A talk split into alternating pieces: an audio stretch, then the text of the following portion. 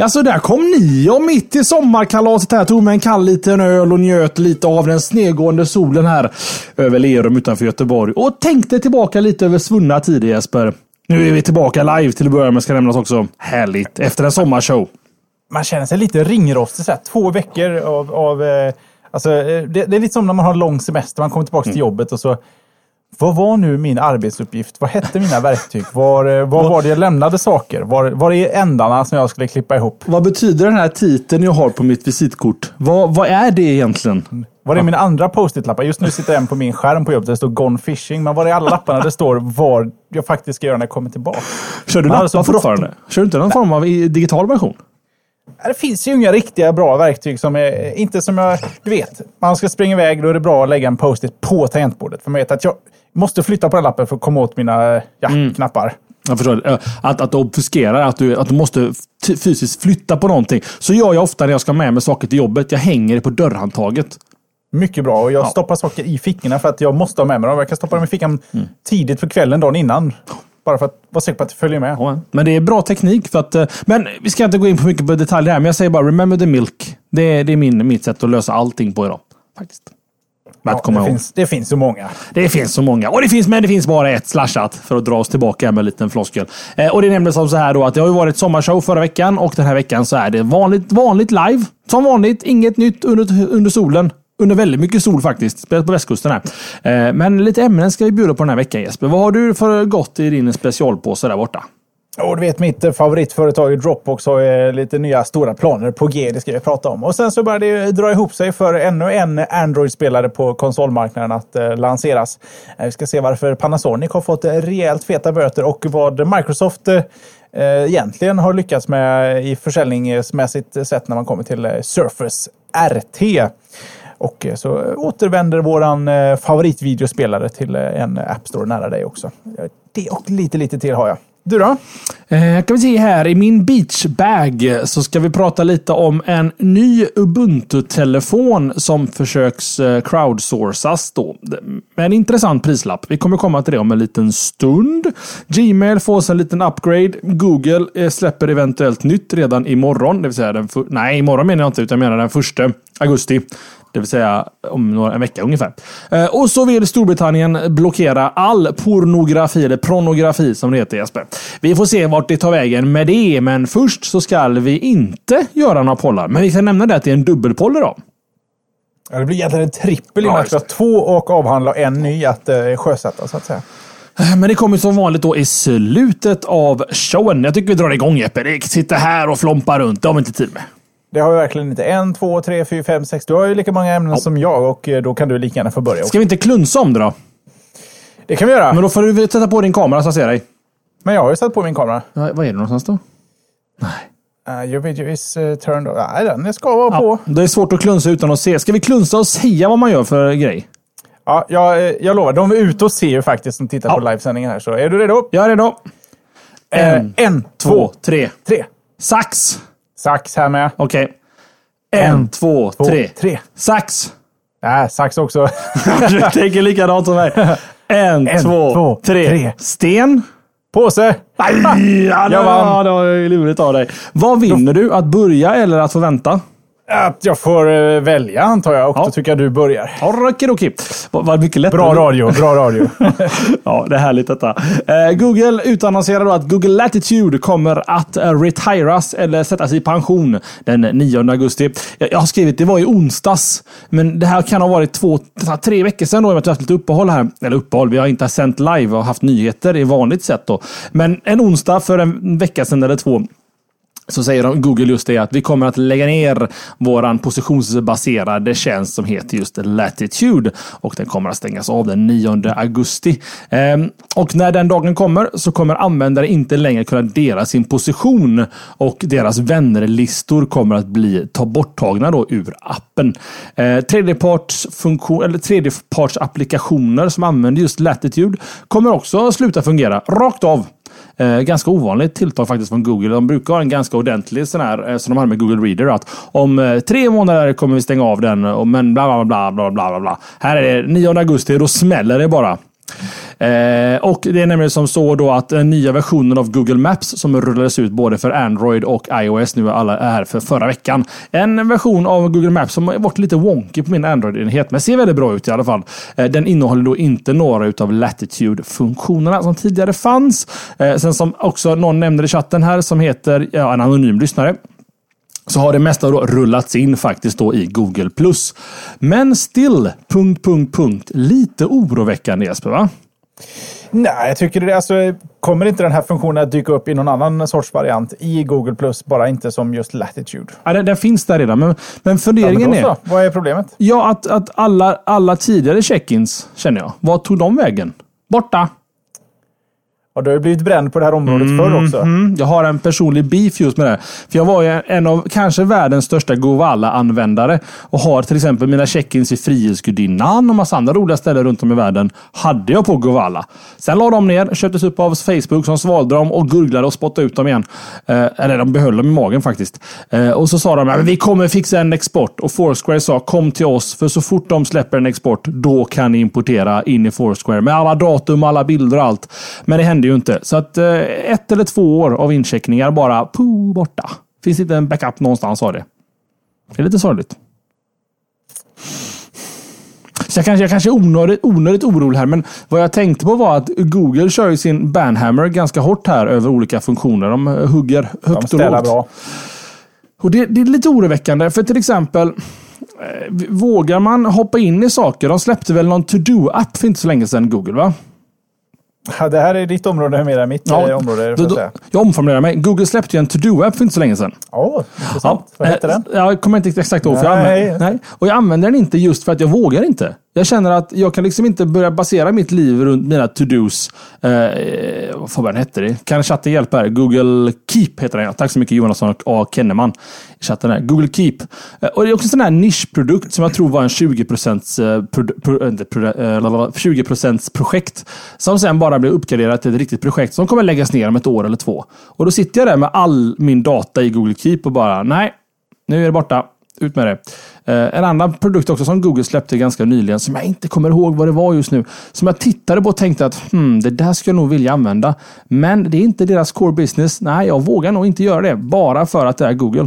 Och det är ju inte så bra kanske. Nej, men det kanske ger dig en, en sund inställning till det här företaget som du älskar så mycket. Att ändå, hur bra det än är så kanske inte lika...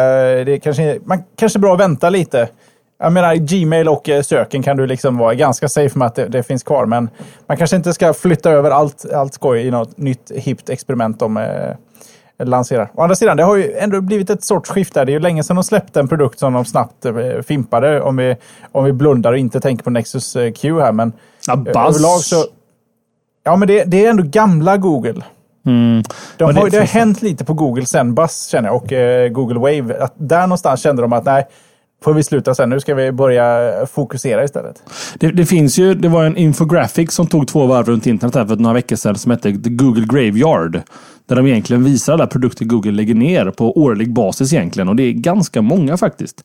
Eh, så att, eh, nej, man ska, man, alltså det handlar inte bara om Google, det handlar om alla företag egentligen. Alltså, eh, livsviktiga funktioner, och nu menar jag inte liv som jag andas och har ett hjärtslag och sånt där, utan din to-do-lista, lägg det hos ett företag som ett, har export, det är egentligen är viktigt att du kan få ut din data ur företaget. Och två, på ett företag som du tror har en chans att finnas kvar ett tag till.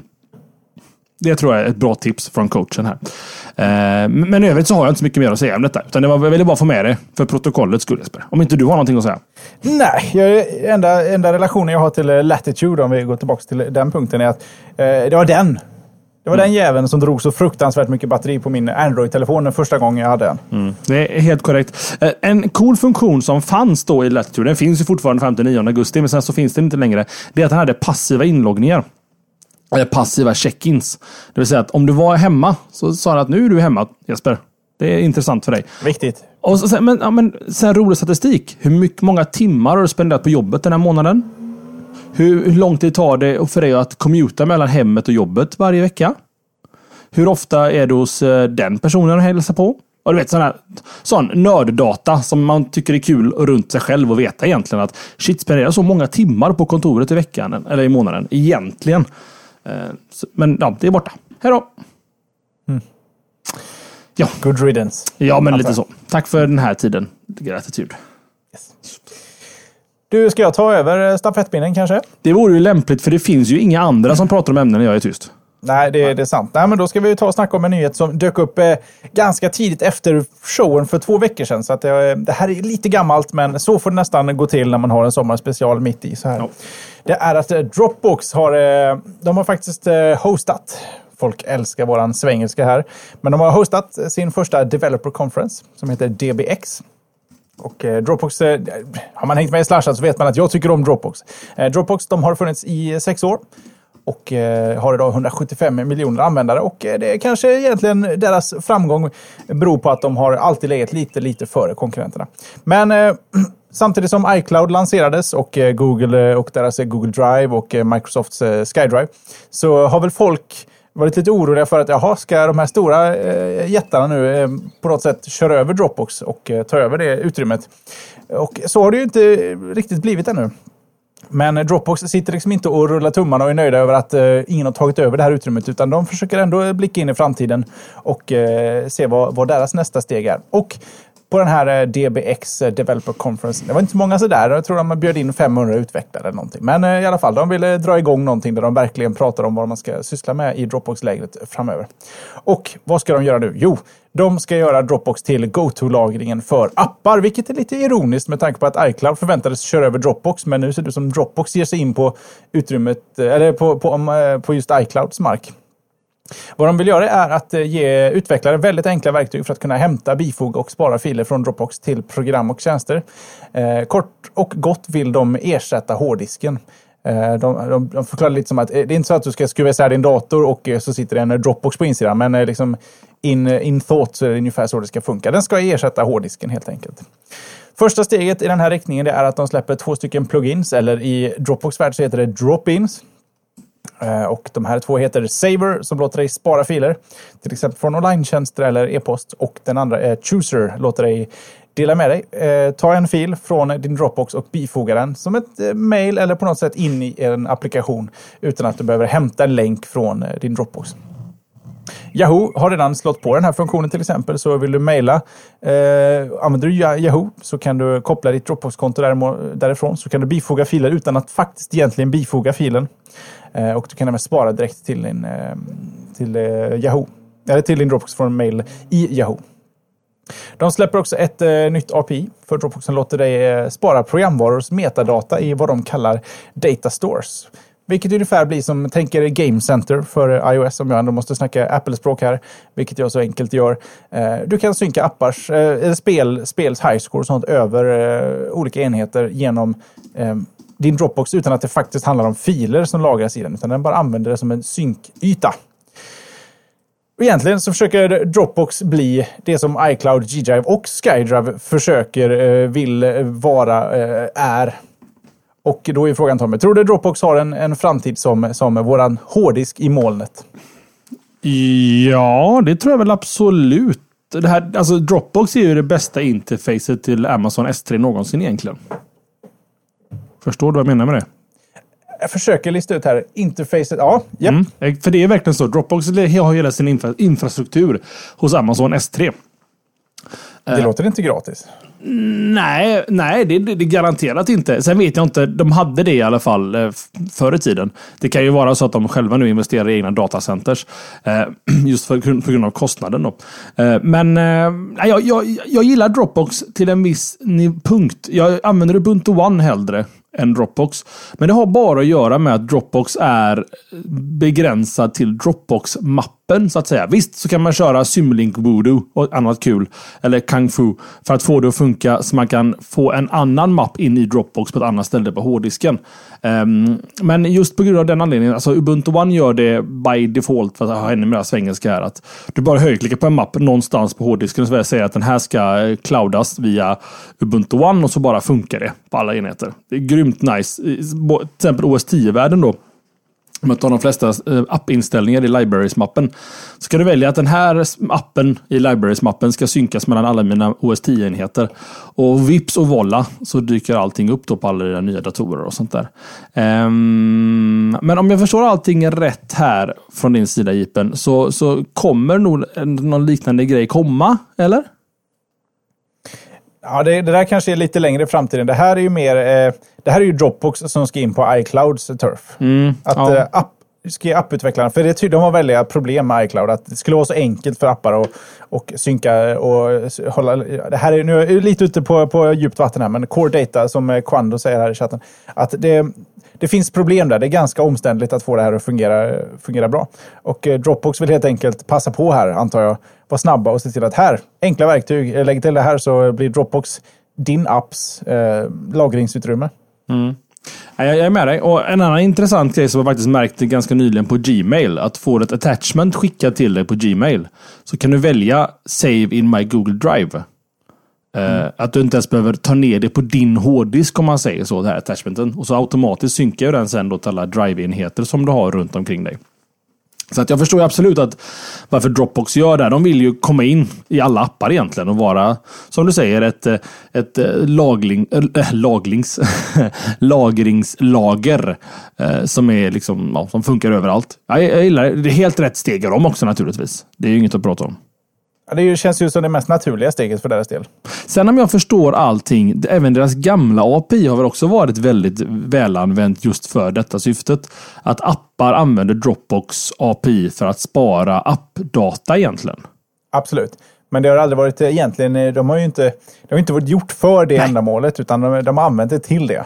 Ja, och det har väl varit lite problem också med synk och sånt därigenom, att filerna inte är överförda och korrekt och sådär. Och det här nya API ska väl på något sätt vara med som en hårddisk på något vänster. Att den har dataintegritet och kollar så att allting kom med som det skulle. Skicka tillbaka en ping och så att ja, vi har fått filen. High five. Och vet, den biten. Ja, men spännande att se vad som kommer hända. Du mm. sa att Yahoo redan är ombord. Ja. Med vad tänker jag? De använder de här nya drop-insen, Saber och Chooser, att du kan bifoga, du kan koppla ditt Yahoo-konto, ah. e-mail, e-mail Yahoo-konto till Dropbox och använda den som bifoga ifrån istället för eh, någonting på datorn. Okej, okay, men det är ungefär det som, som Gmail har med Drive då ungefär. Precis. Ja, just det. Ja, men bra Jeppen, jag, jag gillar det. Synd bara att, att Dropbox fortfarande lever i den här tråkiga världen att, de, att allting är begränsat till Dropbox-mappen. Och igen vill jag understryka Fast det. Det är inte ett problem. Det, det, det, Okej, okay, systeminställningar är ett problem. Men jag vet inte om jag vill synka systeminställningar mellan min iMac och min, min eh, Macbook Air till exempel. Låt... Men i princip, Dropbox-mappen kan ju lika gärna du använda som din hemapp. Ja, men låt mig illustrera ett problem som jag har. Uh, kör. Ja. Uh, jag har, jag ska ta ett, ett, problem som jag faktiskt egentligen inte har för att illustrera det ännu bättre. Nej, jag, jag tar problemet som jag har i alla fall. Uh, Music heter en mapp som ligger i Users, Tommy och Music. Yep. Ja. Eh, motsvarande mappar finns på olika plattformar också naturligtvis. Eh, och i den så har jag en mapp som heter Playlists. Mm. Mm, just det. Eh, och där har jag mina spellistor för Clementine. Jag vill att den ska hamna på samma ställe varje gång. Vilken dator jag än sitter vid så ska Home, Tom, eller Users, Tommy, Music, Playlist alltid vara den playlist-listan. Ja. Men då har du valt att inte ha den filen i Dropbox-mappen. Ja, exakt. Och min lösning är att lägga den i Dropbox, sen lägga den i Music-mappen, sen lägga den i en playlist-mapp. Det är min, mitt andra alternativ.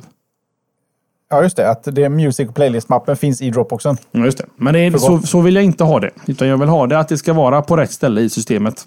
Ja, men var, var är rätt ställe om stället du lägger den på inte fungerar? Är inte det då per automatik fel ställe om du tycker att Dropbox gör allting rätt? För det finns inget problem med att använda Dropbox som eh, hemmapp. Ja, inte fungerar med Dropbox. Alltså, jag är säker. Alltså, eh, vad jag menar på är det att Dropbox har inte det stödet som till exempel Ubuntu One eller SkyDrive har. Som är rätt självklart för de två produkterna att ha. Att vilken mapp du vill i ditt system kan bli en SkyDrive-mapp eller en Ubuntu One-mapp.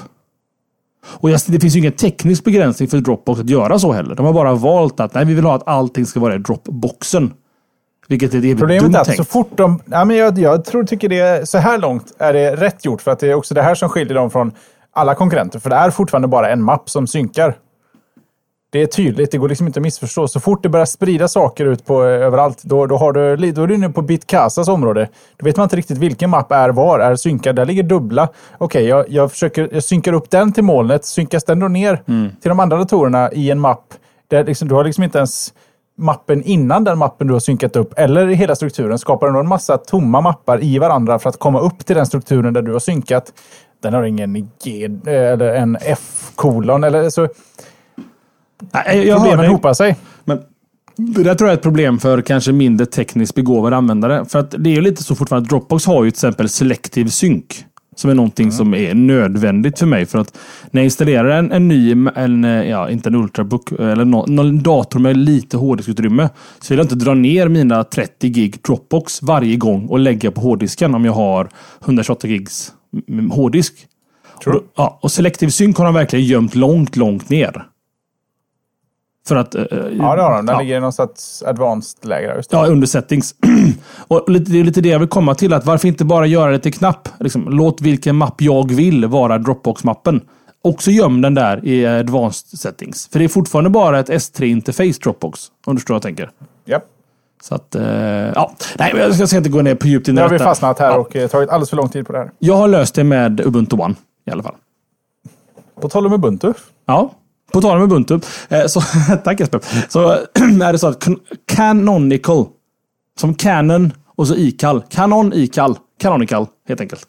Eh, heter företaget som står bakom Ubuntu. Och jag tror att de äger delar av i alla fall Ubuntu. Ubuntu är öppen källkod, men de, de är pappa och mamma till Ubuntu kan man säga. Androgyn Ubuntu-förälder helt enkelt. Eh, och de då försöker få Ubuntu in på olika plattformar. Vi har säkert, eller ni har säkert hört och läst, och eller framförallt hört oss prata om Ubuntu Phone, att du kan köra Ubuntu på telefonen och att Unity Unity är Ubuntus Finder eller utforskare, eller ja, Explorer heter den i Windows-miljö. Alltså, eh, Unity är det grafiska interfacet som du ser. Eh, det har ju strippats ner ganska ordentligt i Ubuntu-världen för att kunna funka väldigt, väldigt bra på mobiltelefon.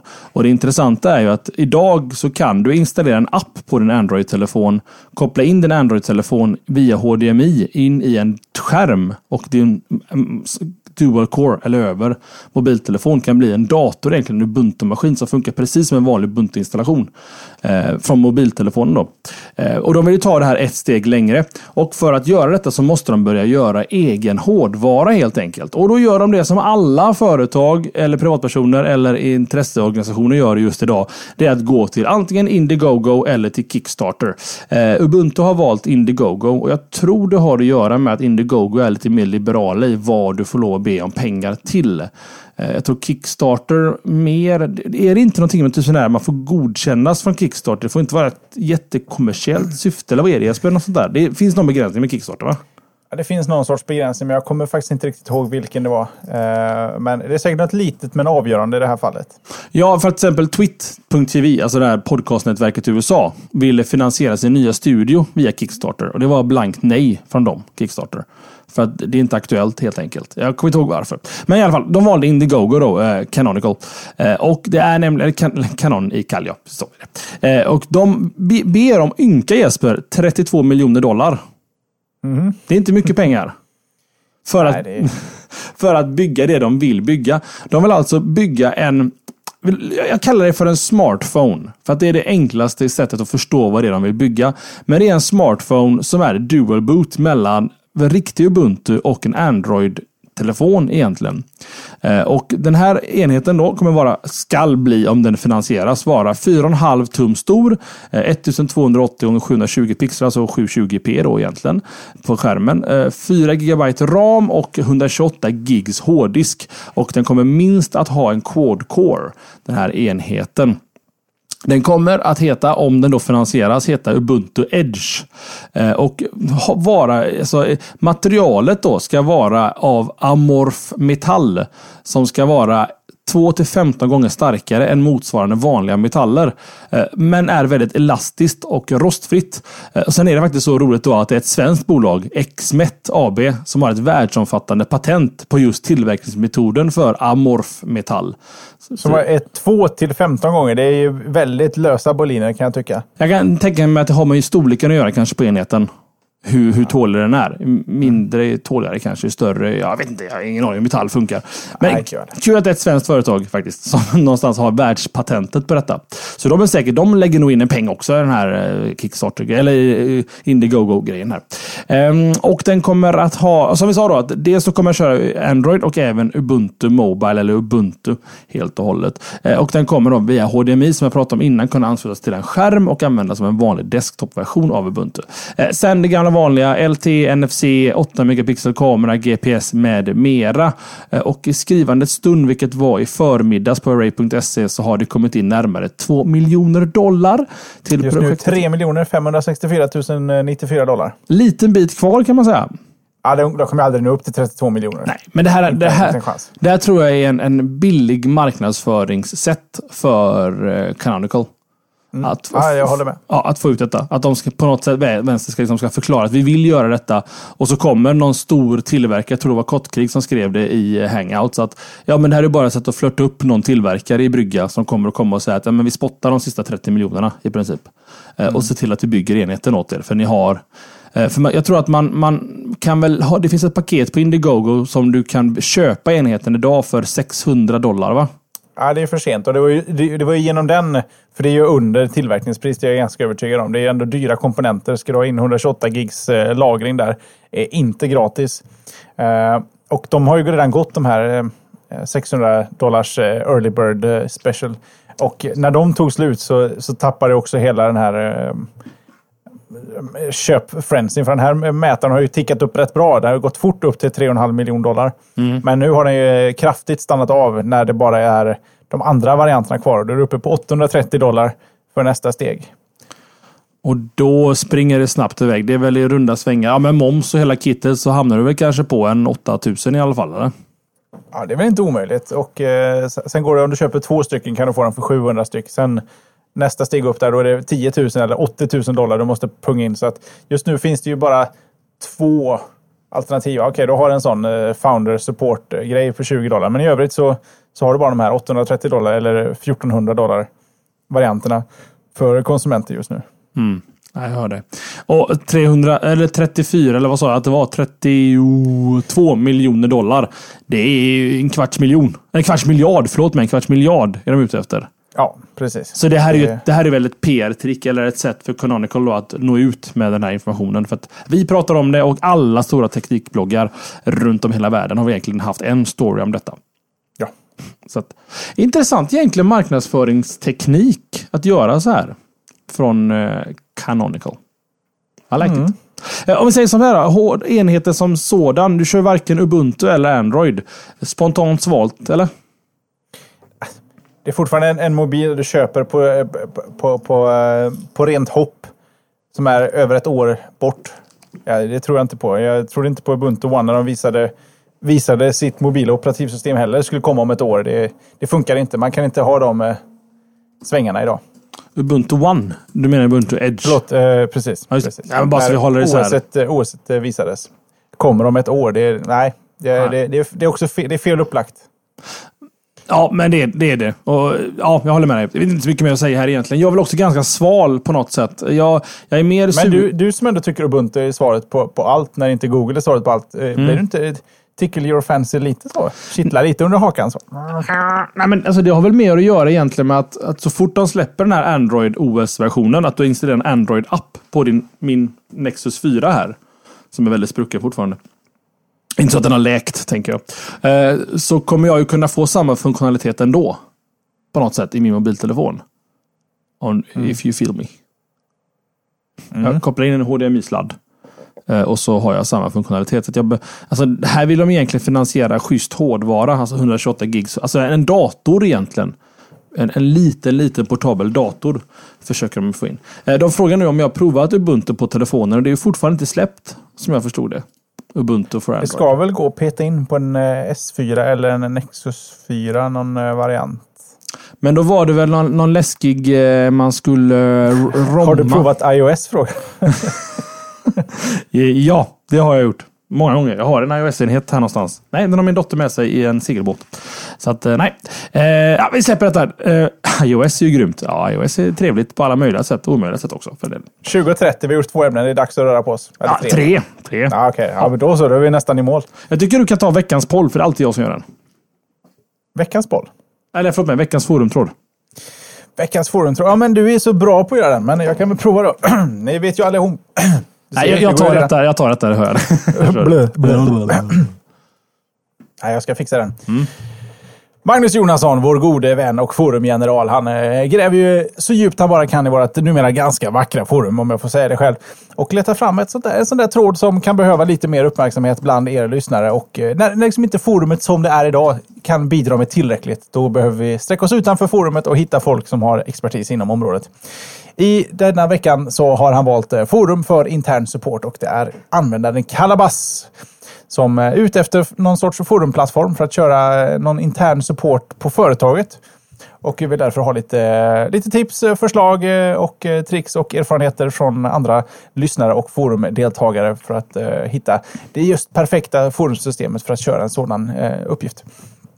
Det har ju föreslagits ganska så klassiska eh, PAN BB, POP-BB, eh, V-Bulletin, eh, SMF, eh, Simple Machines Forum, Messages Forum, i alla fall SMF och lite andra varianter. Och eh, det diskuteras just nu i forum.slashat.se under kategorin mjukvara slash spel. Kanske vi ska ta dela på en vacker dag, men eh, där inne diskuteras det. Eh, om jag får ge mig själv ordet först, Tommy. Mm. Varsågod Jesper. Intern support låter det som någonting som i, i första hand hör hemma på intranätet. Ja. Dela inte upp det på eh, för många ställen, för användare vill ha minsta möjliga friktion. Och sen ska det helst kopplas så att de bara kan skriva, eh, det ska stå intranät. Du ska kunna skriva intranät i webbläsaren så hamnar du där. Eller till och med skriv help så skulle det hamna rätt. Liksom. Eh, ja, vi har något på jobbet som heter Topdesk som är lite sådär, men eh, det kan vara en variant. Vi kör Zendesk. Zendesk är också en, en av eh, alla varianter. Och, eh, men jag tycker ändå man ska se över vilken in, eh, in, internetlösning man har till, eh, först och främst. Och se om det går att koppla ihop det här på något sätt. Det mesta finns där. Ja, jag håller med dig. Jag tror inte... Alltså, det, det borde finnas hur många... Det är ju också det han är ute efter, Kalabas, här i forumet. Att vi ska skriva de här grejerna. Men det borde finnas så många tredjepartstjänster som helst för detta. Sen så finns det ju många företag mitt inblandade, eller mitt medräknat, som faktiskt vill hosta sakerna själva också. Bara för att datasäkerhet och lite kontroll på saker och ting. så att, eh, nej men har ni förslag, idéer, funderingar och kanske lite hjälp då till Kalabas så är det som Jeppe sa under mjukvara slash spel forum för intern support. Sen vet jag inte om alltså är en forumplattform rätt plattform för intern support Jeppe? Nej, det tycker jag inte. Det, det skulle jag säga samma sak där också. Man behöver en plattform som är byggd för det. Där man kan liksom spåra sina tickets, uppdatera tickets, bifoga eh, tickets. Alltså, forum är inte rätt ställe, nej. Nej, nej. Men eh, det kan också vara den billigaste. Forum kan vara den billigaste lösningen, men inte den bästa. Sendes, om inte jag minns fel, kostar 15 dollar per år för ett kommersiellt konto. Det kan, där är en bra start, kanske. Men å andra sidan, det kan vara känslig data. Data som inte får lämna företagets väggar. Ja, Kalabas har säkert förklarat det bättre än oss som vi kan göra här i forumet, men hans topic ska ni ändå titta på. Sen så går chatten lite apeshit här över att det går vi absolut att lägga in Ubuntu på min Nexus 4. Ja, men det var som Kottkrig skrev där. Alltså, jag vill inte dra in Ubuntu Phone. Jag vill dra in Ubuntu for Android, alltså Android-appen i det närmaste du installerar eh, i din Android-operativsystem. Och så startar du en app i Android telefonen som sen skickar en Ubuntu-version, alltså Ubuntu OS, upp till skärmen. Eh, svårt att förklara, men det finns en bra video på canonical.com eller org eller net eller någonting som förklarar hur det funkar. Och den är inte släppt. Den är jag väldigt sugen på att prova. Eh, kräver en dual core Android mobil eller snabbare. För att en core blir ju Ubuntu, core, eller Ubuntu-coren helt enkelt som processor. Då. Men det var du Jesper, det var inte jag. Ja. Jag är inne och kollar. Det finns faktiskt en gratisvariant av Zendesk om man vill komma igång. Fast den är icke-kommersiellt bruk va? Ja, det, jag tycker det där mellan eh, privat och kommersiellt, det är, en, det är ingen, det är inte svart och vitt. Nej, det är förvisso sant. Mm, det är en suddig linje. Men eh, så vet man i alla fall om det. Men eh, veckans forumtråd är forum för intern sport under mjukvara slash spel i forum, eller på forum.slashat.se, vårt vackra forum. Ja. Är det jag? Ja. Då tar jag en kortis och en snabbis. Mm.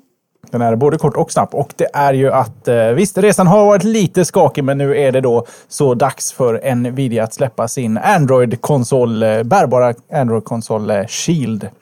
Den börjar skeppas den 31 juli och är en, en liten aning försenad på grund av ett så här långt ej tillkännagivet eh, mekaniskt problem med enheten. Vem vet, kanske något gångjärn någonstans som strular, gnisslar lite när du fäller upp luckan. Vem vet? Mm, mm, mm. Eh, men den är i alla fall på gång. 31 juli borde, om inte jag är helt ute och cyklar, vara i nästa vecka.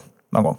Så eh, har man lagt en förhandsbokning så kanske det är på G. Om den går att få tag på i Sverige, det är oklart. I USA kommer den i alla fall släppas 349 dollar är priset och vad den kostar i Sverige är, eh, vet jag inte så här långt, men är man väldigt intresserad och sugen av en sån här så finns ju alltid Borderlinks eller eh, vad den där andra nu heter. Eh, om man vill plocka hem en sån där. Får vi se om den eh, presterar lite bättre än vad eh, Ujan, om man eh, ser till recensionerna. Mm. Men eh, vi håller våra tummar för att Shield, som spelar Android-spel och även remote eh, PC-spel på något, eh, på något vis. Det ska bli kul att se om vi skulle hoppas vi kan få låna en. Ja, det vore trevligt. Och sen också klura lite på det. Hur var det här nu med Nvidia Shield? Använder den Vanilla Android eh, eller Google Play? Eller hade den ett proprietärt app-system? Jag säger fyra. Mm, eller fem. Men på A så var det B, på B så får vi se vad det blir med D. Mm. Mm. På A vet vi inte. Nej, för det, det, alltså det är lite det som, som, som, brände mig där med min Uja som jag inte ens har fått. Men den är i, i Tyskland just nu, i Köln. Um, det är just det att jag, jag vill ju lira mina Final Fantasy annat på den här enheten. Men det går säkert att sideloada in. Problemet är ju inte...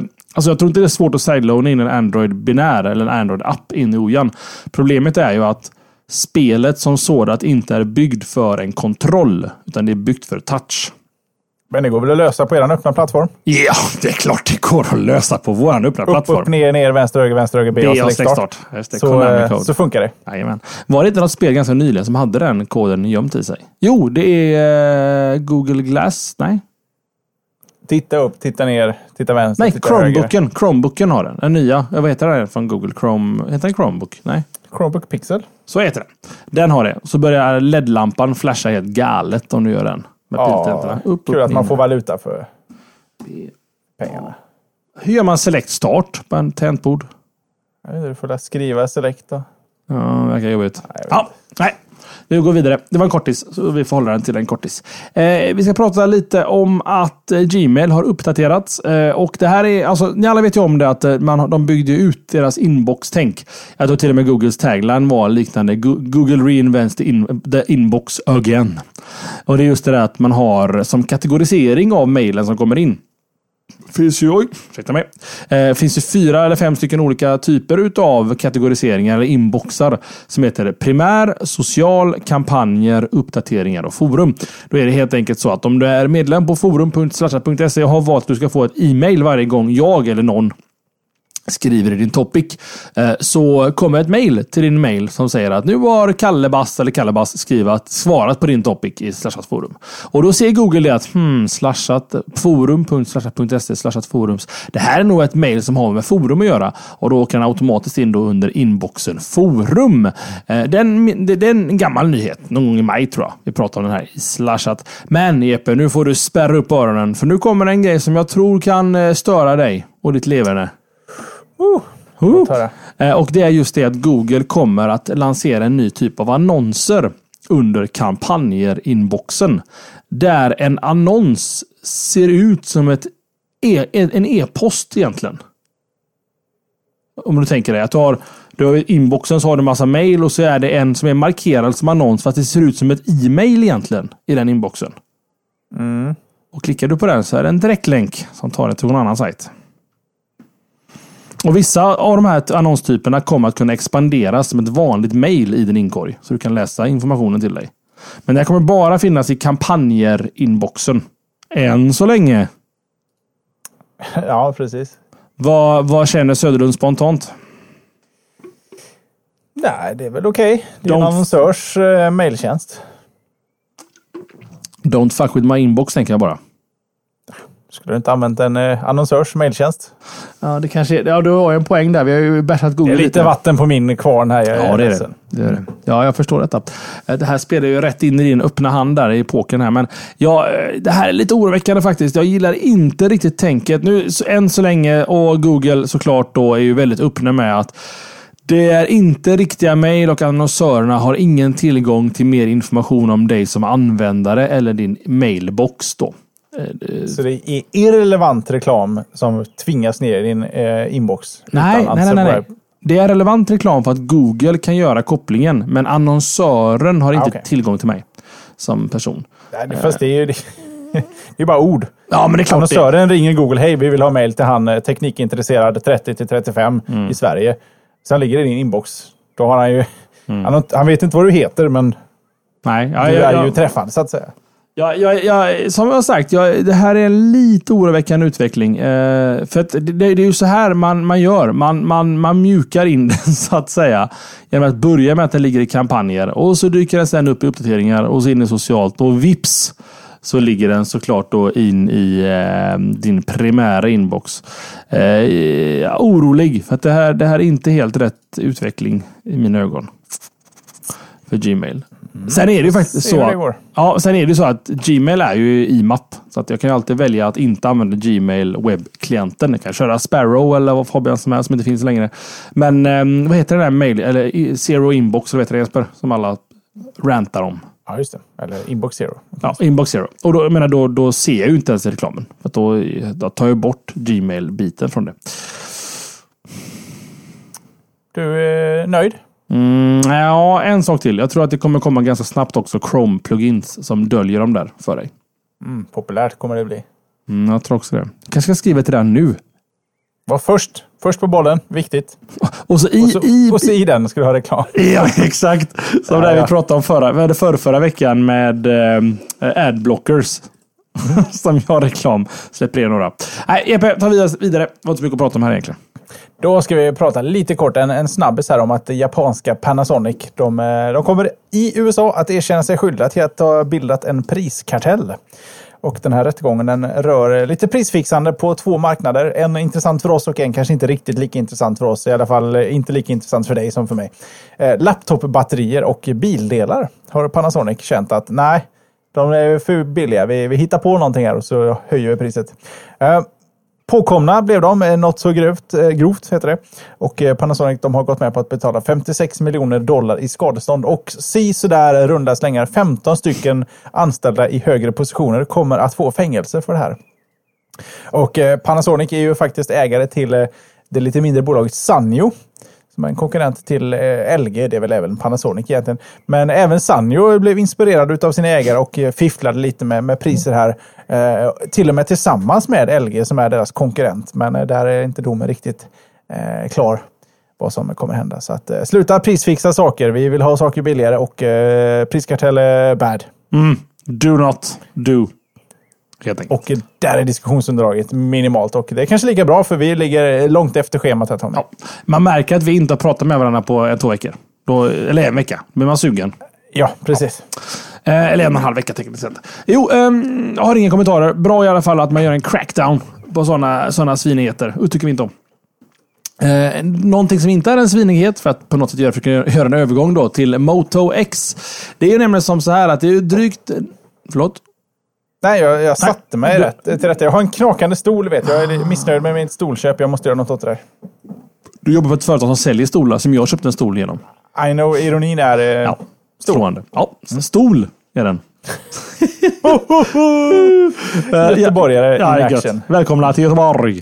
Eh, Google köpte upp Motorolas mobildivision i maj 2012. Eh, och då sa de, jag tror det var i februari någon gång, eller om det var kanske i november, så sa någon vd på Motorola, någon chef där borta, sa att ja, vi har en backlog av skit vi bara måste göra klart på Motorola. Sen, mina damer och herrar, då ska vi tjonga in den så det visslar om det. För att då kommer en mobiltelefon som, eller så sa han inte. Han sa inte något av de orden. Men poängen var i alla fall att de har en backlog. Det här ska vi göra.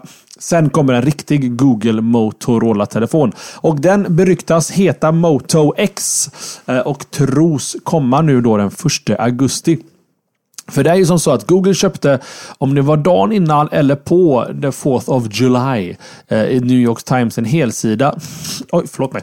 Eh, där man ser två glada människor hoppa rätt ut i vattnet och så står det att the mobile phone, eh, bla bla bla, någonting, någonting, någonting. Ja, Google kommer släppa en mobiltelefon snart som är personalized to you.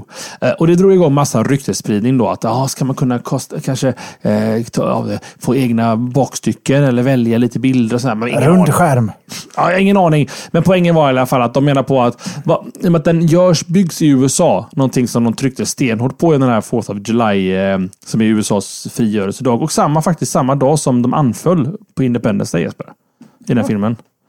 Eh, vad så du vet det. Never forget. Eh, så, så, ehm, så eh, ja, det, alltså den byggs ju i USA, vilket är ganska ovanligt då för mobiltillverkning. Eh, och det har ju en liten jab då naturligtvis åt Apple som fått ganska mycket skit just för att de låter eh, i, ja, kinesiska företag bygga iPhonen till låga kostnader som det alltid är borta i Asien. Ehm, och sen säljer de dyrt här i västvärlden. Eh, och vad de, vad, varför jibblar de detta? Jo, det är så här att Google har haft ett privat, hemligt, eller hemligt är det egentligen inte, men NDA eh, späckat möte med några journalister i USA. Så man, alltså journalister som var där får inte berätta vad de har sett eller vad de har hört. Men de till sin kanske misstag eller extremt bra planering skickade, eller skickade en NDA till Leo Laporte som gör This Week in Tech. Den här mannen har gjort en karriär på att vara radiopratare. Så att han har tenderat att säga saker han inte borde säga eh, när eh, han, även han under lag inte får prata om det. Eh, så vad han har lyckats kläcka ur sig hittills det är att eh, det är inte värt att köpa en eh, Built, den här nya Google-varianten eller eh, vad heter de Jesper? Eh, HTC One och eh, S4. SV, ja, precis. Ja, just det. För att eh, nå- någon annan person där på Twitter hade köpt en sån telefon. Och då sa han det. Hur lång uppsägningstid har du på den, det köpet? För att du kommer ångra dig när Moto X det sa jag inte, men det var ju underförstått då att Moto X kommer på mångt och mycket då att triumfera både S4 och Onen då. Helt enkelt. För det kommer komma en mobil. Erik Schmidt, eh, glada killen, Googles styrelseordförande, gled runt på någon biljonärsmässa förra veckan med Moto X i handen och gick runt och pratade telefon med den. Den är ju superhemlig den här telefonen, men kanske också lite PR-tricks då från Googles sida. Så att det kommer en mobiltelefon från Google. Det är inget snack om det. Eh, och får man tro Leo Laportes eh, pratande bredvid mun där så är 1 augusti förmodligen det datumet de kommer att släppa telefonen. Han sa nämligen till den andra personen som hade köpt en HTC One nyligen att har du 14 dagars uppsägningstid på det, köpet så har du problem. För ungefär, ja. Men har du 30 dagar så är det inga problem för dig att, att, att testa någonting nytt framöver. Så den kommer förmodligen släppas då, den 1 augusti. Eh, det, ryktena går ju apeshit runt omkring detta som det alltid gör. Men den borde vara 4,5 tums, en dual core, åtminstone 1,7 GHz Snapdragon, eh, 2 GB RAM och Kevlar, eh, Kevlar, Kevlar på bakstycket då helt enkelt. Sen Epe, intressant grej som sägs vara den kommer ha 2200 mAh batteri som, inte, som är outbytbart. Eh, Det ska jämföras då med att iPhone 5 som har 1440 mAh. Så, så eh, 1000 mAh till i batteritid. Ja, ja, det kanske behövs när man kör Android Jesper. Ja, det var bra. Kan du bara fortsätta vara tyst? slipper jag ta dem. Nej, men alltså jag förstår inte. För det första, den känns ju väldigt sval. Den fyller ju ingen... Eh, den enda anledningen till att den fyller någon som helst HBR här är väl att den eh, potentiellt är en Vanilla Android och det var länge sedan det släpptes en Vanilla Android-mobil. För en två dual core-processor idag känns ju inte i Android-sammanhang särskilt eh, upphetsande. 720p på en 4,7-tums skärm är inte heller särskilt upphetsande. Eh, 2 GB ram, 16 GB lagring och 10 megapixel. Det är ju en, en mobil som alla andra. Och att du kan byta skal på den likt en Nokia 3310 från 2002. Eh, tilltalar ju inte målgruppen kan jag aldrig tänka mig. Nej, det är sant. Och även här... Är det den nya Nexusen kan man säga? Ja, det borde väl vara det. Och det alltså, ryktet är ju då att i och med att Google Edition kom ganska oväntat egentligen. Både till, till eh, S4 och till HTC eh, One. Det har nog att göra med att Google vill vara kompis med sina andra tillverkare. För att de kommer, vad man tror, släppa en ganska ordentlig Nexus-mobil nu. Som är byggt av deras egna företag Motorola. Eh, och en annan grej då som, som det ryktas om eh, högt och lågt. Och det här sa även Leo att jag får inte säga någonting, men det är ungefär som att sätta en NDA på mig. Sätta den på Leo. Jag säger allting ändå. Han sa det att eh, den största featuren med den här grejen jag såg har inte ryktats om. Det vet ingen om fortfarande. Um, och då, och vad, vad, jag, vad jag tror och vad han pratade lite om, eller de pratade om i en diskussion då, det är att den kommer att ha dubbla chip, alltså dubbla processorer, varav en processor är bara en ljudprocessor som lyssnar på dig. Så du kan prata med din mobiltelefon utan att behöva ta upp den ur fickan till exempel. Att det inte drabbar ditt vanliga batteri. För att väcka telefonen. Do you feel me? I feel ya. Till exempel, okej okay, Google. Be, Ja, men, alltså, någon form av edge. För att, som du sa Jeppe, att kunna byta bakstycke eller få en bild på din hund på bakstycket. Yay. Mm. Ja, nej, det, det, det, är lite ocoolt är det absolut. Mm. Men Å andra sidan kan ju lika mm. vara sånt som läser upp annonser för dig utan att du behöver ta upp den ur fickan. Furion skriver det snabbt. Alltså, jag, jag, jag uttryckte mig kanske klumpigt. Som lyssnar på dig. Alltså, ja, det är ju lokalprocessing egentligen, men jag förstår att det, det är ju som Kinecten egentligen. Eh, i Xbox Som One. på dig? Ja, men i Xbox One. Den kommer ju alltid vara igång, Kinecten. Den kommer alltid titta på vad du gör i soffan för att se ifall du gör en handrörelse som på något sätt ska eh, starta igång Kinecten. Så, så, det är också en övervakning på ett sätt. Jag vet inte, jag... Kommer du köpa en baserat på vad du vet om Moto X så här långt? Låt oss säga så här gode vän, jag har ju fortfarande inte köpt en Google Edition-telefon av en anledning. Ja, just det. Men se... du är ändå av ägaren Ja, det är det jag menar. Jag vill se Googles hand först. Jag vill se vad Moto X är för något. Eh, om det är något som är intressant för mig. Eh, så att, eh, nej, jag, jag håller på just för att se Moto Xen. Jag, det, det, jag, jag, jag faller ju för hypen här naturligtvis. För att detta är ju Nexus-serien on crack. Det här, det här, alltså här har ju Google varit med, Google inom vissa måsvingar då, varit med sen första liksom, plastbiten i enheten fram till slutprodukt. Detta är Googles iPhone, om du förstår vad jag tänker. Mm. Eh, jag förstår hur du tänker. Det ska bli kul att se vad, vad, den, eh, vad den tar till bordet. Går det att översätta till svenska så jag provade. Ja, men det funkar. Det funkar. Bara, bara 2200 mAh batteri. Det är ju inte helt otacksamt. Nej, det, det, behövs ju. Jag hade gärna tagit det till min iPhone också. Det, mm. ja, jag, jag, kan göra mig rolig på, på, på ja. det, din bekostnad, men jag, jag tycker batteri, för guds skull. Haswell är ju liksom ett, ett, tydligt tecken till exempel på att det, det är rätt område vi fokuserar på just nu. Ja, det går åt rätt håll. Effektivare. Mm. Vi, har sagt det för... Har du laddat din mobil eller din dator sedan du köpte den än? Nej, jag har haft den två veckor bara. Ja, den bara rullar. Nej, det, jag har laddat den ett, ett par gånger faktiskt. Men, men alltså, vi hade ju en liten en date här, jag, Jesper och fyra andra män eh, ganska nyligen. Och man märker ju skillnad. Det var många mackar då i rummet och man märker ju en klar skillnad på Haswell-laptopen som låg hela dagen och dagen efter utan laddas. Och de andra som laddades var fjärde, fjärde timme egentligen. Så att den är, det, det, alltså det är ett batterimonster så att säga. Positivt bemärkt då att det, den, den håller så otroligt länge. Det är lite som Kommer du ihåg första tableten du använde och du blev imponerad över att den fortfarande hade batteritid dag tre? Och du tog upp den och skulle surfa lite? det, var helt, eh, det var ju löjligt. Alltså, det ja. ska ju inte gå. Nej, och det är exakt den upplevelsen jag har med en Haswell eh, Macbook Air. Att har du fortfarande 30% batteri kvar, din lilla rackare. Hur, hur går detta ihop? Vad, vad förstår jag inte? Att den, den kör ju bara OS 10 och den drar ju ingenting med den, för de funktionerna. Nej. Men nu går vi vidare Jesper. Nu, nu får vi lägga i någon växel och någon, någon, någon rang här nästan. Ja, då ska jag dra lite snabbt. Mm. Att Microsoft har presenterat resultatet för äh, kvartal 4, sitt physical year av 2013. Och äh, faktiskt, det ser rätt så bra ut. De är, det går bra för Microsoft. Det går väldigt bra. Det kunde man inte tro om man ser till den mobila divisioner, eller åtminstone den eh, semimobila tablet. Vart jag är på väg det är till att Surface RT, deras eh, plattprojekt, går lite sådär. Det går faktiskt fruktansvärt illa. Hela Surface RT som är egentligen en Surface, en eh, tablet slash datorhybrid eh, på något vis som kör en variant utav Windows. Eh, som eh, funkar på ARM-plattformen. Den här Surface RT, deras egna tablet slash eh, hybriddator, vad man nu vill kalla den, säljer ju inte alls. Den säljer jättedåligt. De har gått 900 miljoner dollar back på den här. Och de här pengarna tas för att täcka upp för det här ur Windows-divisionen som ändå går förhållandevis bra, förmodligen via licens. Dagen innan Microsoft presenterade de här siffrorna så sänkte de även priset på Surface RT med 30% i hopp om att få igång försäljningen. Men det verkar ändå som att slutsatsen på det här är att Microsoft grovt överskattat eh, efterfrågan på RT-enheter och speciellt då Surface RT-enheter.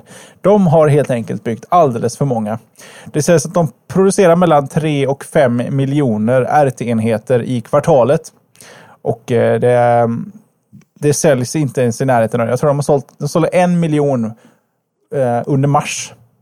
Och det var under deras bästa månad. Men det är också obekräftade, obekräftade siffror. Men det finns väldigt många Surface RT-plattor där ute som, som eh, samlar damm, dessvärre. Så Tommy, här hade vi, om vi hade varit snabba, som vi normalt är i den här mm. showen, så vi hade kunnat eh, ha en liten eh, en diskussion runt det. Men det har vi inte tid för, egentligen. Men jag provar. En kort snabbis.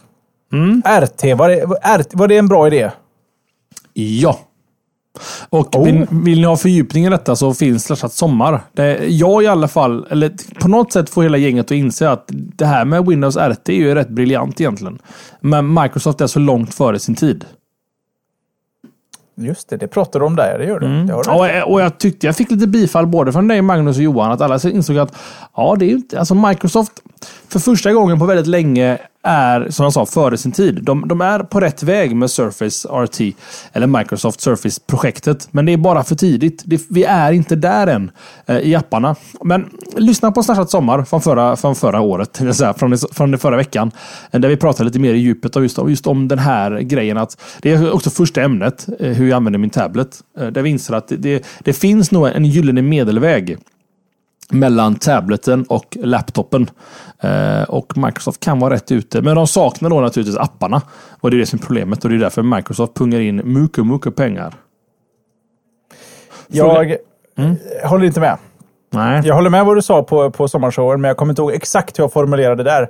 Eller om, eller om jag ens överhuvudtaget formulerade. Att jag tror att Windows 8 är på rätt väg. Men Windows RT är fel väg. Windows, Microsofts största kunder, eller flesta kunder, majoriteten av kunderna som använder Windows, mm. har inte ens förstått vad RT är. Det kanske bara är namnet som är fel, men då ska man ha gjort Windows rätt. Mm. Ja, du har nog rätt. Vi, vi att dela upp på... Windows i två saker som inte funkar.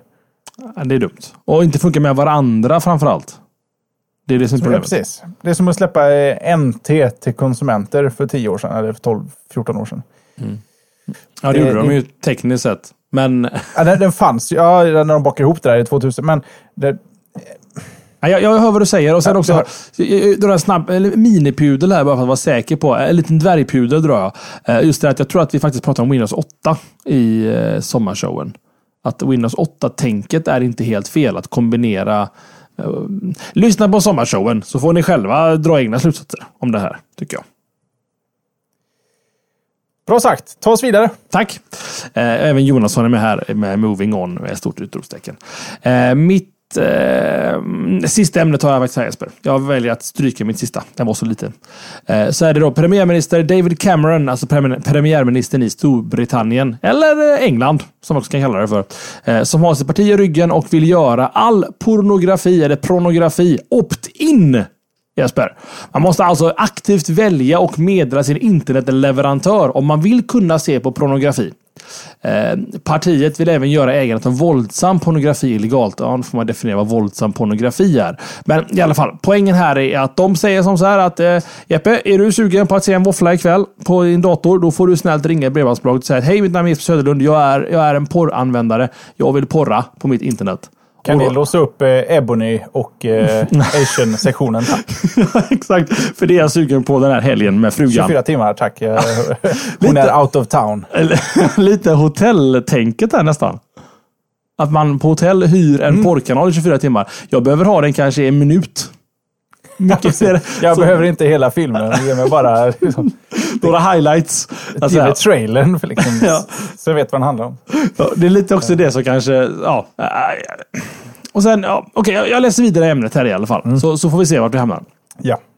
Eh, tanken med förslaget som sägs träda i kraft då i slutet av året är att skydda barnen som surfar runt. Eh, de vill även göra det omöjligt att komma åt barnpornografi genom att skapa en gemensam databas som listar illegala barnpornografibilder som alla delar av, alla, som alla delar av polisväsendet kan arbeta emot. Och redan här så blir det en konstig argumentering, argumentering ja, att man automatiskt tar med barnpornografikortet när man pratar om pornografi på nätet. För att det är ju två vitt skilda saker egentligen. Pornografi är ju per definition lagligt. Och både producera och konsumera. Barnpornografi är bland det vidraste människor kan pyssla med. Och är lagligt överallt. Eller lagligt, olagligt överallt. Så att jag tycker den, den kopplingen känns alltid onaturlig att göra när man pratar om att ja, men internet är dåligt för där finns det barnpornografi. Ja, men det finns även på VS-kassetter. Eller vilket medium du vill. Utskrivna foton liksom. Så att, eh, men det är väl det, det, är väl en bra eh, känga att ha med in i en sån här debatt. För att problemet är ju att om du är emot det här skyddet så blir du indirekt för att det ska finnas barnporr på internet. Liksom, om du förstår den usla egentligen argumenteringstekniken. Men ja, om vi sätter det åt sidan eh, och jag frågar dig bara point blank här Jesper. Är detta, om vi pratar om att skydda barn. Är detta rätt väg att gå? Ja. Absolut. För jag tycker att det, det finns så mycket tveksamt på nätet och barn är alldeles för duktiga på, på nätet idag för att du ska kunna installera saker på din dator för att skydda dem. Eh, Jag, jag tror generellt idag ser barn alldeles för vuxna saker för att förstå vad de faktiskt ser. Går det att eh, spärra det så, så tycker jag man borde göra det. Och eh, så får du opt-in. Då det, det, det är något, ett sorts grundskydd som inte barnen, när de väl blir duktiga på datorer, vilket jag förutsätter att dina och mina barn blir. ehm, att de Våra kan barn sig, tänker du? Ja, precis. Att de kan inte ta sig runt spärrarna om spärrarna finns bortom eh, bortom din, eh, ditt eh, TP-kontakt. Liksom. Du är, det är hos leverantören. Men, men, Varför inte? Ja, alltså jag förstår hur du tänker och eh, som Fjorjun säger, mycket VPN blir det. Eller mobiltelefoner eller 3G-nät eller alla andra sätt. Skolgården. Alltså jag tror inte... Alltså rätt metod är inte att blocka pornografi från barn. Rätt metod är att prata med sina barn och säga att... Om här- sex möjligtvis, men inte pornografi. Jo, inte, absolut om pornografi. Och förkla- ja, ja, prata om det en vacker dag, men de kommer ha hittat porren många, många år innan du är redo att prata med dem om det. Jag, alltså, jag, jag tror inte jag kommer att behöva ha eh, sexsamtal med min dotter på samma sätt som min mamma och pappa hade sexsamtal med mig som barn. För att min, min dotter kommer att, eh, att Har hittat exponeras. de sidorna för länge, länge sedan. Exakt. Långt, långt innan hon borde. Exakt, och därför så ska man ta internetsnacket väldigt tidigt. Det handlar inte om porrsnack, det handlar om internetsnack. Förklara att internet är en öppen ja, plattform, kommer jag inte använda den, den, den, den terminologin, men förklara för henne att på internet finns det saker som du inte borde se. Du borde inte titta på sådana grejer. Och jag förstår att Men hon kommer inte förstå det förrän, förrän senare. Ja, då får man väl köra en vända på ogrish.com med henne och förklara att det här skiten finns på på internet. Titta inte på detta. Men tänk om hon inte kan se det. Vad enkelt skulle vara. Ja, men problemet är ju fortfarande att jag, då inom våra 800 väggar jag har i mitt hus här, så är det en säker miljö i mitt bredband hemma. Men mitt, hennes mobiltelefon som har 3G-anslutning kommer ju kunna komma åt det. Jag förutsätter att om det är hela Britannien du pratar om här så, så ska väl det spärras överallt. Det måste väl optas in på alla ställen. Ja, ja då får man vara i... Ja. Mm. Eller opt-out blir det ju. eh, Äh, Opt-in. Att alla defaultar opt-out. Så Storbritannien kommer inte alls blockera någon pornografi.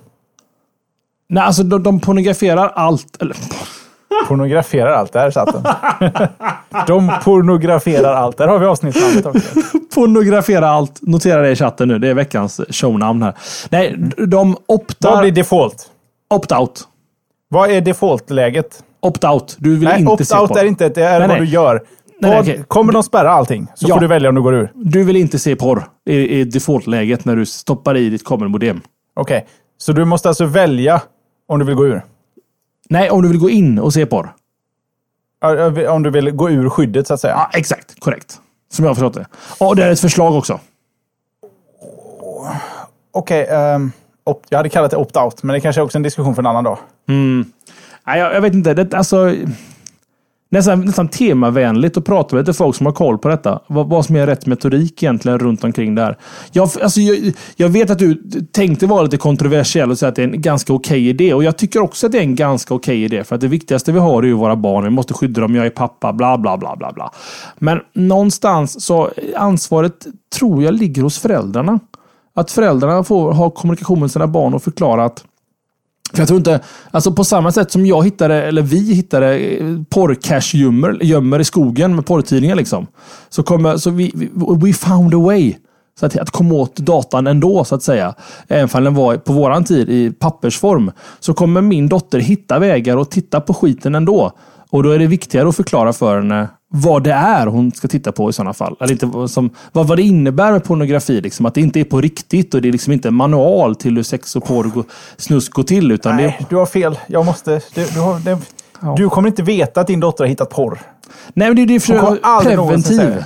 Ja, preventivt sätt är att se till att det inte går. Åtminstone inte hemma.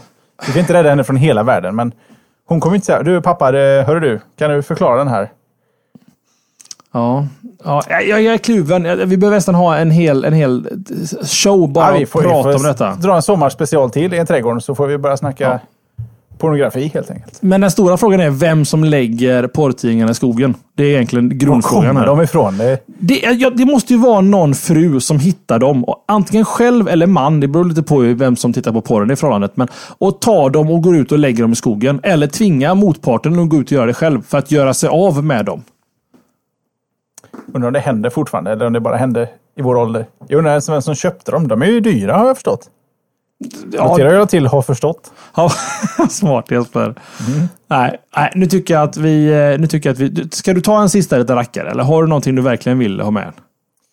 Jag, hade ju, jag nämnde ändå att VLC, eller jag nämnde att en eh, favoritvideospelare skulle åter, återvända och den måste jag väl nästan rapportera om. VLC, Video LAN Client, måste vi rapportera om att den nu faktiskt är tillbaks i iOS, eller i App Storen.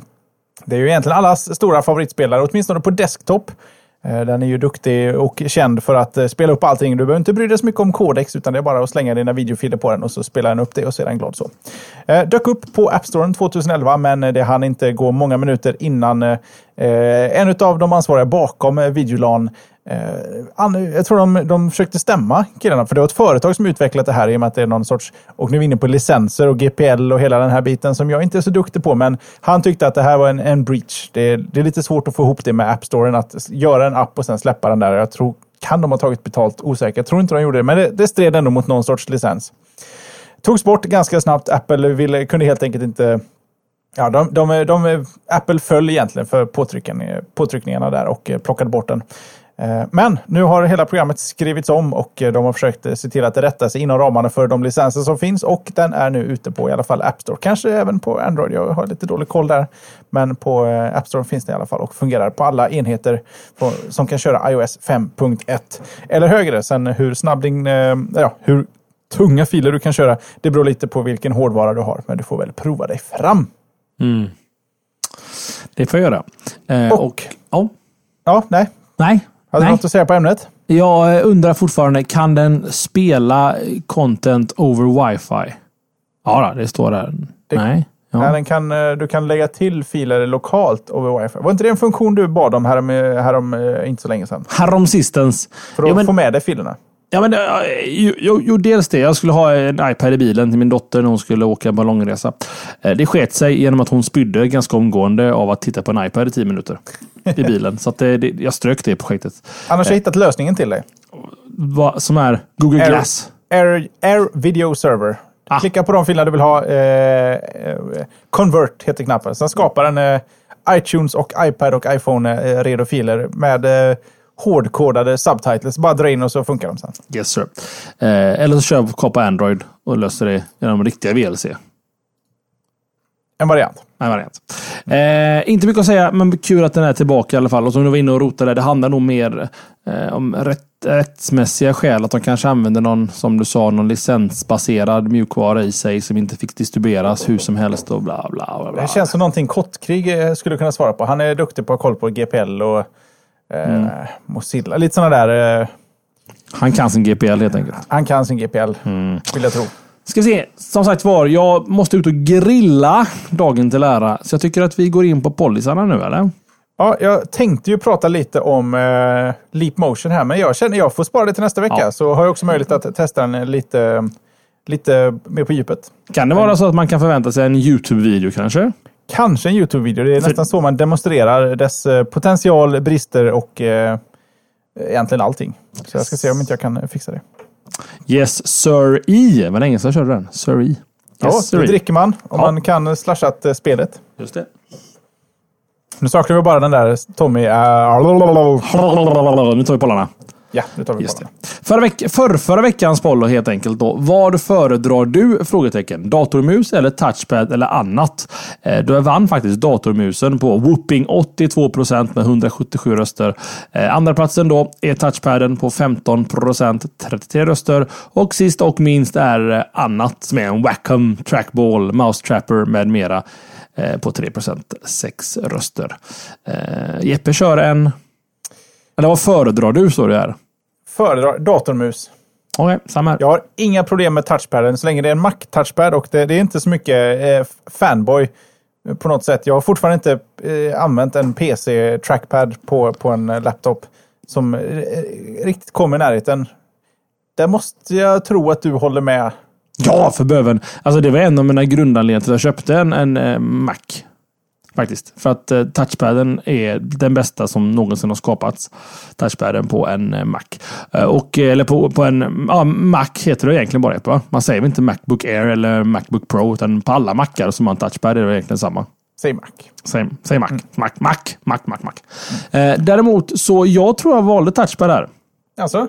Ja, för jag föredrar att arbeta på en touchpad. Av den enkla När jag arbetar då, det är det, alltså när jag gamer så använder jag inte macken överhuvudtaget. Då är det PC som gäller. Men just med, med touchpaden där, det är för att du har, du har touchen så nära tummen. När du har den här eh, FJ eh, mus, eller knappsättningen med fingrarna.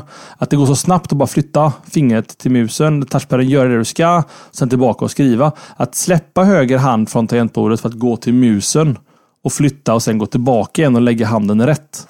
Eh, Det är tidstjuv i min värld. Så att jag föredrar touchpaden, men eh, jag eh, använder nog huvudsakligen faktiskt eh, musen.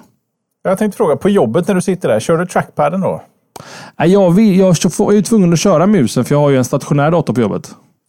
Men det, det, det, det, blir, det blir nog ett inköp där av, en, av en, någon form av eh, Mac-laptop. Så jag kan sitta och jobba även där. För att det, det sparar så mycket tid faktiskt. Så var det med det. Ja, veck, eh, förra veckans poll som vi hade med i sommarshowen. Ja, vi, vi glömde ju av formuleringen vill jag minnas på slutet. eh, Men eh, vi styrde upp oss i sista minuten där och frågeställningen blev eh, som följer. Har din tablet givit dig valuta för pengarna? Och det är då från egentligen, jag tror det var det första ämnet under sommarspecialen när vi diskuterar tabletsens eh, vara och icke vara. Där hade ni tre alternativ. Absolut, absolut inte och äger ingen tablet. Vinnare på den är absolut. 67 procent eh, tycker att deras tablet har gett dem valuta för pengarna. Och eh, andra plats äger ingen tablet. 26 procent, alltså lite drygt en fjärdedel av våra lyssnare, har ingen tablet.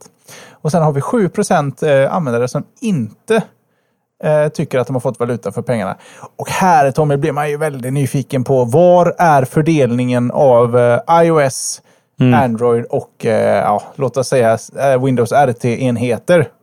För det lät ju ändå lite på åtminstone Jonasson och dig som att Android-tablets, när det väl kommer till kritan, inte riktigt är eh, användbar, är, är inte valuta för pengarna. Nu lägger du lite ord i munnen Ja, på oss här absolut. naturligtvis. Men, eh, Men det jag- lät lite så. Jag, jag, jag, jag sa som så här att kan det vara så, och då tyckte jag mig själv var lite kontroversiell där, att, att tablet-upplevelsen kanske bara helt enkelt är bättre på iOS eller på iPaden än vad den är på Nexus 7. Eh, fast argumentet följer ju på sig själv. För att vi insåg ju det sen att både jag och Jonasson föredrar att använda våra Android-mobiler för att göra samma sak som vi hade gjort på en Android-tablet med samma appar. Så, så att det, det följer på sig själv där egentligen. Ja, ja, om man inte vill argumentera för att uh, apparna inte har hunnit ikapp en tabletmiljö på Androiden. Fast det ser jag inte som ett problem. Alltså, det finns nog inte någon app jag... Alltså, mm. För skillnaden mellan en iOS eh, eller en iPhone-app och en iPad-app är stor. Men jag får känslan av att på Androiden är det den skalar upp sådär snyggt som du pratar om att den kan göra för att, för att liksom hantera olika skärmstorlekar. Alltså, jag, jag kör ju Nexus 7 till och från. Och jag, det, det, finns nog inte någon app jag ens har noterat som är tablet-specifik. Eh, och framförallt då någonting jag har noterat att det saknas någonting. Jag tycker allting... Ja, det ser väl likadant ut, det är bara lite större. Eller lite mindre beroende på upplösning egentligen. Mm. Ja, ja, ja, vi ska, så ännu en gång där. Det, där finns ju sommarshowen från förra veckan. Två timmar och 47 minuter. Där vi diskuterar sådana här grejer in i oändligheten. Men jag valde absolut eh, att den har givit mig valuta för pengarna. Eh, just bara för att jag... Det är en, det är en grym YouTube-enhet att ha i sängen. Exus 7. Och där slår den i mobil endast för att du kollar video och har större skärm? Ja, exakt. Det är enda anledningen. Och då, då använder jag till och med iPaden till också i viss mån. Men den, den är lite mer eh, jobbig att om man eh, inte använder Netflix liksom, och tittar på videoserierna. Mm. Kan man säga. Eh, veckans poll då ska vi också ta upp naturligtvis. Nu skyndar jag på här för snart så eh, har jag inga gäster kvar nere. Eh, veckans poll. Har din tablet... Nej! du. Nu luras du. Nu har jag glömt att trycka på spara. Vill du att jag tar den? Som Nej, ändå har den framför mig? jag har den framför mig här. Ja, vad bra. Eh, frågeställningen kommer nämligen upp när, i, i, samband med ämnet eh, där vi pratar om annonser i Gmail. Eh, och vi är ju duktiga och nämner inte pollen förrän i slutet för de som inte är intresserade. Eh, och frågeställningen är helt enkelt. Hur kollar du huvudsakligen e-mailen på din dator? Och nu är dator nyckelord och huvudsakligen är nyckelord. Huvudsakligen e-mail på datorn. Är det via program eller via webben? Vad vi egentligen vill komma fram till här är om, huvudsak, om ni huvudsakligen kör webbinterface eller en app för att titta på din e-mail på din dator. För vi förstår att när det är mobilsammanhang så eh, kör väl egentligen alla appar egentligen. Det finns säkert några få undantag som kör Gmail i webbläsaren, men ja, ni förstår frågeställningen. Ni får själva välja svaret på veckans poll på slashat.se. Finns det som alla andra veckor. Ehm, var det något mer Jeppe? Nej, det är bara att jag, jag känner på mig att jag vet vad du kommer att rösta på. Och sen känner jag definitivt på mig vad jag kommer att rösta på i den pollen. Jajamän, jag har redan röstat. Ja, vad bra. Det har jag också. Så kan vi prata om det nästa vecka. Just det. Eh, enligt eh, våra egna instruktioner, så att säga. Mm -hmm. Men då är vi väl nöjda. Då kanske vi bara ska peka med, med bryskt finger mot forum.slashat.se, vårt vackra forum där allting diskuteras och alla problem löses per automagi av våra underbara lyssnare och eh, Slashat eh, forumdeltagare. Och eh, missa inte heller eh, veckans forumtråd som rör just en sorts forumlösning för intern support eh, eller alternativ på ett forum för intern support. Eh, Slashat.se donera om man tycker att eh, vi gör rätt bra ifrån oss ändå eh, med tanke på att vi har hållit på i fyra år och att eh, det, kan, det finns utrymme i budgeten att visa lite ekonomiskt mm. monetärt stöd för vår show. Så kan man ta sig dit. Sen har vi ju naturligtvis länkat till alla ställen vi hänger på resten av veckan. Kanske inte resten av veckan i sommartid. Vi kanske är ute i solen vid tillfällen, men slashat.se social. Där har vi eller social. Där har vi länkat till Twitter och Facebook och eh, ja, det är väl typ Twitter och Facebook vi hänger på idag. Jag vet inte vad, vad annars. Google plus i Tommys värld kanske om man är lite mer teknologiskt eh, sugen. Försiktigt. Um, När, ja. Försiktig närvaro där också faktiskt. Ja, just det. Och eh, ja, nej Tommy, det var väl det, var väl det hela. Det var det hela. Eh, och Eh, nej, vi har, jag har inget mer att säga. Då behöver jag inte använda ord. Vi har ju redan varit shownamn och allting. Så att vi har varit duktiga den här veckan. Och ni har varit duktiga som har lyssnat på oss i en timme och 18 minuter. Den här, jag glömde säga datumet i början. Det är den 23 juli 2013. För det som för protokoll. Även sådana grejer. Vi syns igen nästa vecka och nu tackar jag bockar och bugar och jag ska slänga en, en flintastek på grillen. Det ska jag inte göra. Det är det absolut sämsta köttet du, köttet du kan köpa. Det är flintasteken. Det ska du aldrig köpa Jesper. Det gör du inte va? Jag har inte ätit flintastek sedan, eh, jag var tio tror jag. pubhår. Ja, precis. Bra tänkt. Ja, det var där omkring. Ja. Mycket bra tänkt. Och ni! Det är veckans tips då. Ingen flintastek och ta hand om varandra och er själva. Så syns vi igen nästa vecka. Ha det gott Jeppe, ha det gott chatten och ha det gott allihopa. Hej hej! Bye bye!